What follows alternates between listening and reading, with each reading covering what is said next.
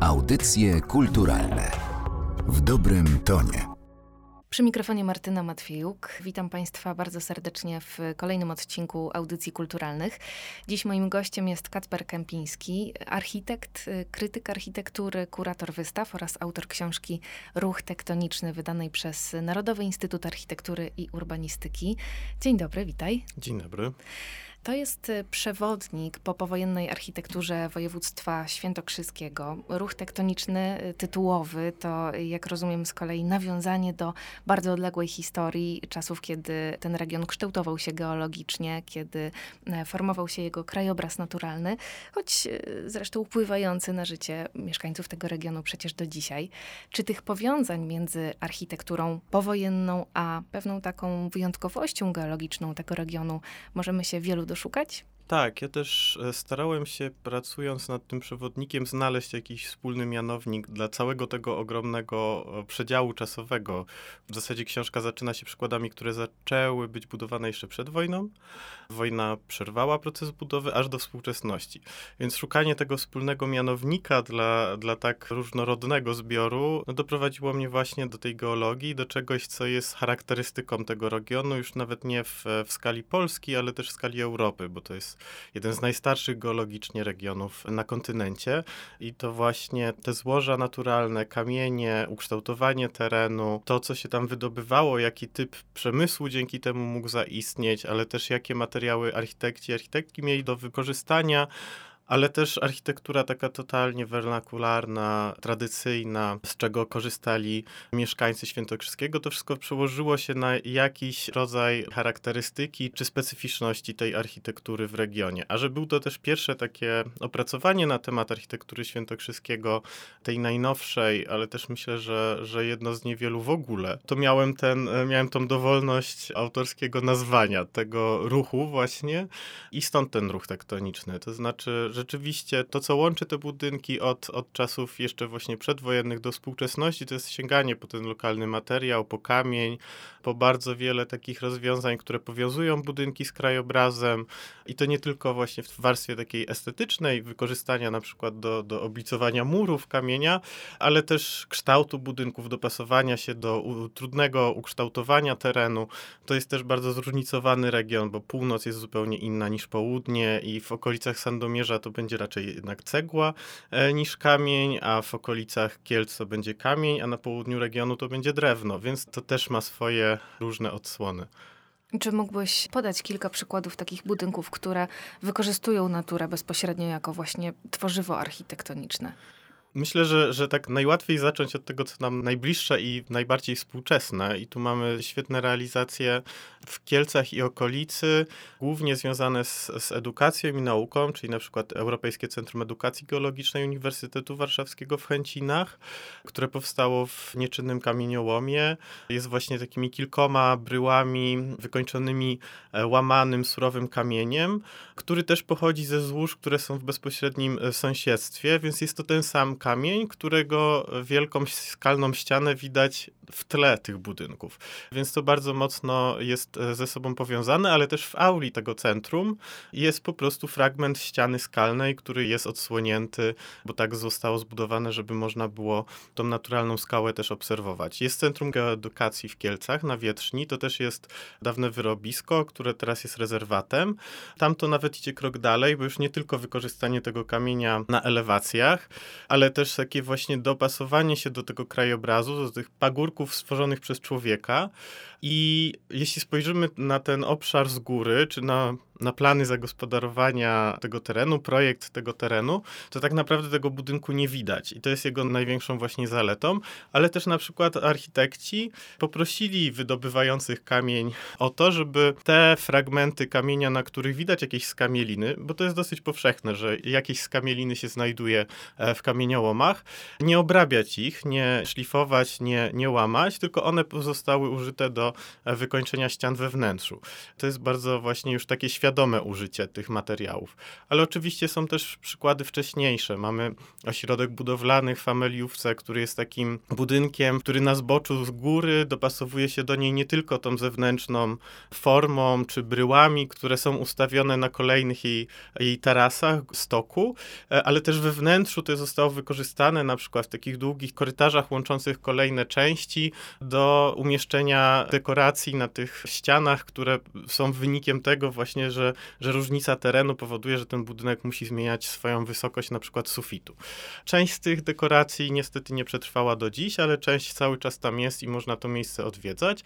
A z takich przykładów najstarszych, zupełnie już okołowojennych czy tuż powojennych, to są też realizacje na przykład szpitala w Starachowicach czy e, szkoły w Wąchocku, która stoi zaraz obok tego przykładu architektury świętokrzyskiej, który akurat możemy znać, czyli opactwa cystersów.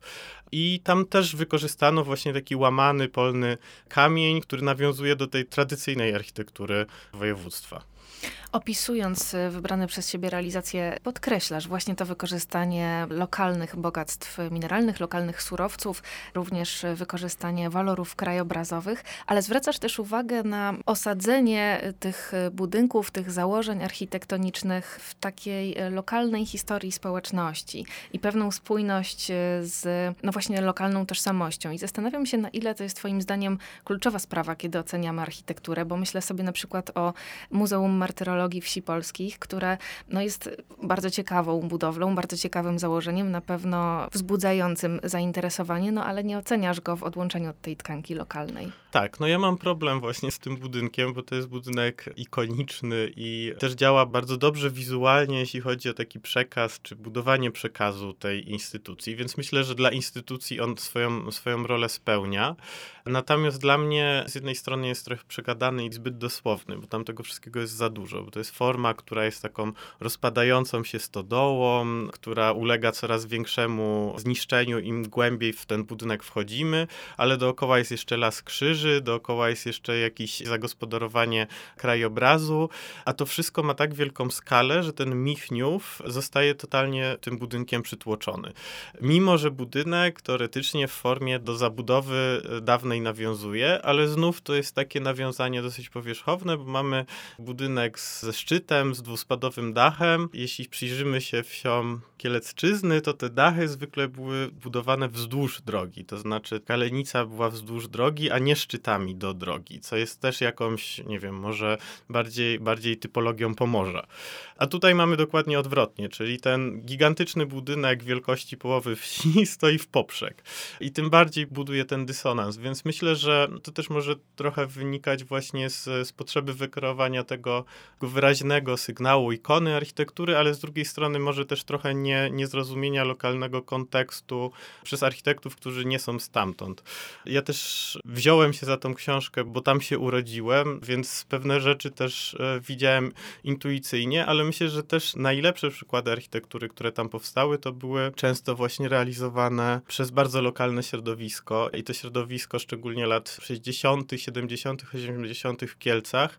Te dzieła były naprawdę wybitne. Tam też były wybitne wnętrza, z których niestety wiele się nie zachowało. Ale też myślę, że ciekawym przykładem stojącym po drugiej stronie tego zagadnienia, o którym mówimy, czyli umiejętności wpisania w lokalny kontekst, jest y, szkoła podstawowa zaprojektowana przez y, Halinę Skibniewską. Tak, to jest też taki eksperyment trochę po obserwacjach szwajcarskich, trochę takie szukanie typologii dla małej szkoły wiejskiej. Ta szkoła dziś nie wygląda tak jak wówczas, natomiast to, co jest właśnie jej wartością, to jest fakt, że ona była projektowana w taki sposób, żeby lokalna społeczność mogła udźwignąć ciężar tej inwestycji.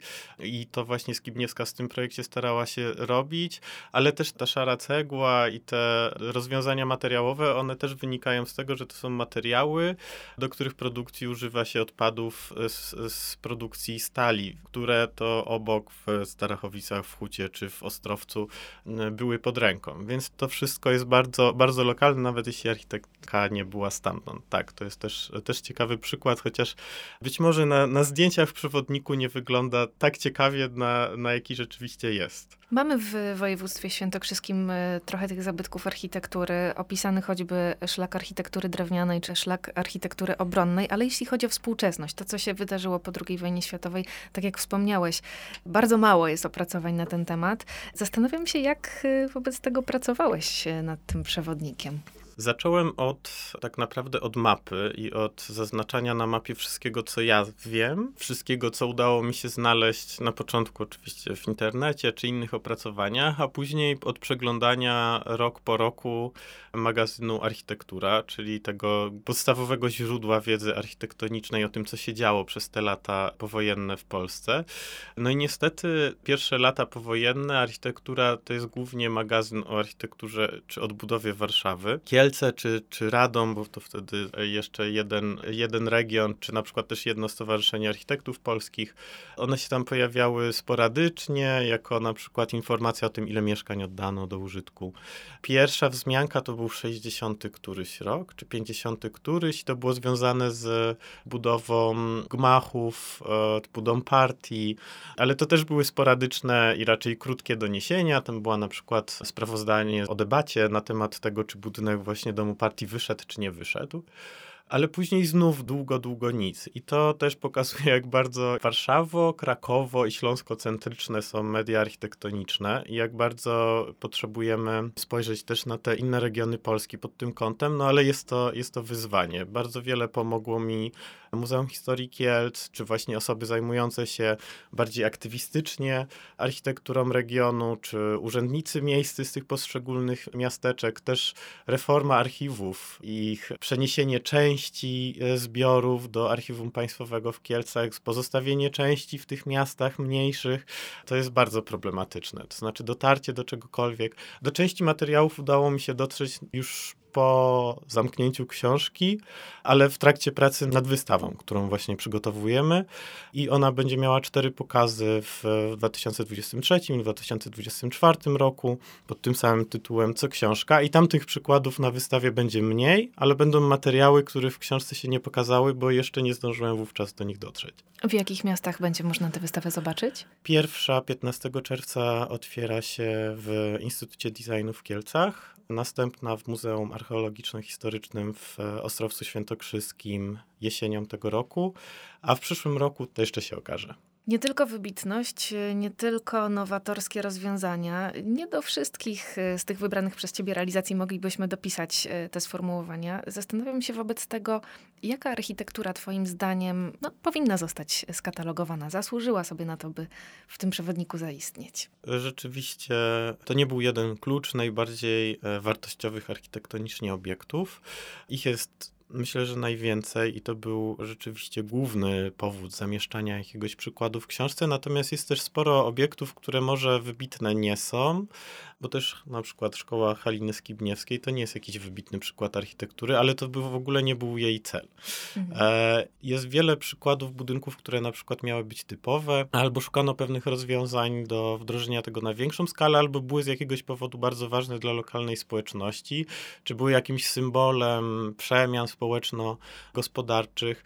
Taki problem miałem na przykład współcześnie z zamieszczaniem w przewodniku galerii handlowych czy biurowców, które często są dosyć okropną architekturą, no ale są symbolem naszych czasów. To znaczy niezamieszczenie ich w przewodniku jakiejś jednej wybranej galerii handlowej, no to by było tak jakby nie zamieścić na przykład, nie wiem, mamy tam Hemar w Kielcach, do którego też nie, nie dotarłem niestety autorów tego założenia, ale to jest wielki zakład przemysłowy, którego funkcja też była utylitarna, ale on bardzo wiele mówi o rozwoju, o rozwoju Kielc. Więc starałem się też patrzeć na to przez pryzmat taki, czy mówiąc krótko, brzydki współczesny budynek. Starałem się oceniać e, pod tym kątem, czy jeśli on by został zbudowany 50 lat temu, to czy by trafił do tego przewodnika. A jest parę takich budynków, które tym kluczem do przewodnika trafiły. Ale głównie są to jednak budynki w jakiś sposób wartościowe, choć nie zawsze wartościowe dziś po wielu przebudowach, jakie je spotkały. No właśnie, piszesz też sporo o tych współczesnych przebudowach, jednych bardziej trafionych, innych pewnie mniej. Jak to jest z tą naszą e, wrażliwością na spuściznę poprzednich dekad? Dla mnie największym odkryciem w czasie pracy nad tym przewodnikiem, ale też największym szokiem, zawodem i rozpaczą było zobaczyć to, jak wyglądała kiedyś, a jak wygląda dziś huta szkła okiennego w Sandomierzu. Mm. Bo to był budynek niesamowity. Tu akurat udało się dotrzeć do, do planów, do rysunków pokazujących, jak on miał wyglądać, jak on wyglądał przez jakiś czas. Są też zdjęcia archiwalne. No i to rzeczywiście była niesamowita, ekspresyjna bryła, wielkie łuki, przeszklenia, które układały się w taką kryształową strukturę. To wszystko z jednej strony pokazywało możliwości architektoniczne i takie ambicje architektoniczne, ale z drugiej strony właśnie mówiło o możliwościach tego konkretnego zakładu, o produkcji szkła, o, tych wielkich, wielkich przeszkleniach, które dzięki temu są możliwe. No i ta huta dziś już tak nie wygląda. Te łuki tam są, te bryły tam gdzieś jeszcze, jeszcze majaczą, ale to wszystko jest obudowane jakimś zielonym blachotrapezem i, i wbudowane w, e, wielkie blaszane hale. I ciężko rozpoznać ten budynek, będąc w Sandomierzu. Niestety takich przykładów jest więcej. W tym momencie trwa walka o szpital w Starachowicach, czyli to jest ten właśnie budynek, który został, jego budowa rozpoczęła się jeszcze w 1939 roku. Wojna tą budowę przerwała, ukończono po wojnie, funkcjonował do, do lat 2000, wtedy otwarto nowy szpital i od wtedy popada w ruinę. Miasto ten szpital przejęło ostatnio, no i teraz trwa dyskusja, warsztaty, prace nad tym, czy ten budynek adaptować, czy ten budynek wyburzyć. Podbudowę osiedla na mieszkań na wynajem, mieszkań e, takich społecznych. No to jest ciekawe też obserwować tą dyskusję, ponieważ no nie ma takiego poczucia wartości tego budynku. On jest oczywiście bardzo zniszczony, ale głównie wizualnie, to znaczy ekspertyzy techniczne mówią, że można go zaadaptować. Ja jako architekt widzę też, że jego, jego struktura przestrzenna jest bardzo prosta do zaadaptowania. To znaczy rzadko zdarza się, żeby budynek zabytkowy można było w tak prosty sposób zaadaptować na przykład na mieszkania. Mamy bardzo wiele przykładów adaptacji szpitali na mieszkania. To nie, nie jest żaden problem, bo też pojawiają się takie głosy, oczywiście, nie wiem, bakterie w ścianach i to, to, to jest zupełna miejska legenda, czegoś takiego nie ma, a już na pewno nie po tylu latach od zamknięcia szpitala.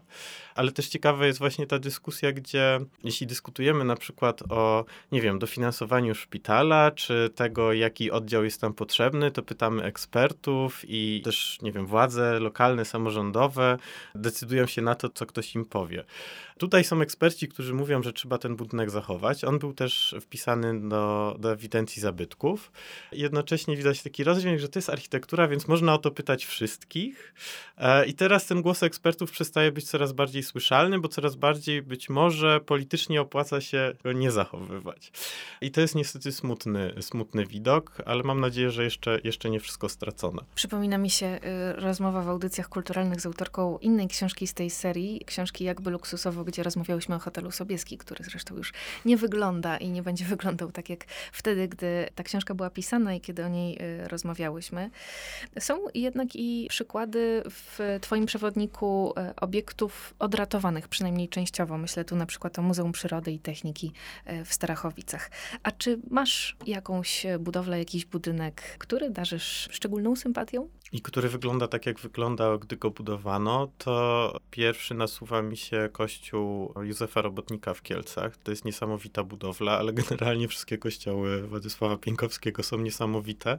Ale to, co ciekawe, to, że no właśnie, to jest taki architekt, który umiał odczytywać ten lokalny kontekst. I tam jest i, i użycie tego lokalnego kamienia, ale i cytaty z architektury przemysłowej e, w hmm. budynku sakralnym. To też jest nieoczywiste, że w budynku sakralnym można zacytować jakieś elementy wielkich hal z magazynów czy z budynków e, produkcyjnych. I tam są właśnie takie konstrukcja dachów. To jest taki gigantyczny wachlarz, ale złożony z takich e, dźwigarów, które są wyjęte z budynku przemysłowego. Ten budynek jest niesamowity, tam jest ta gra światła, gra faktur, ale też forma, forma jest bardzo ciekawa.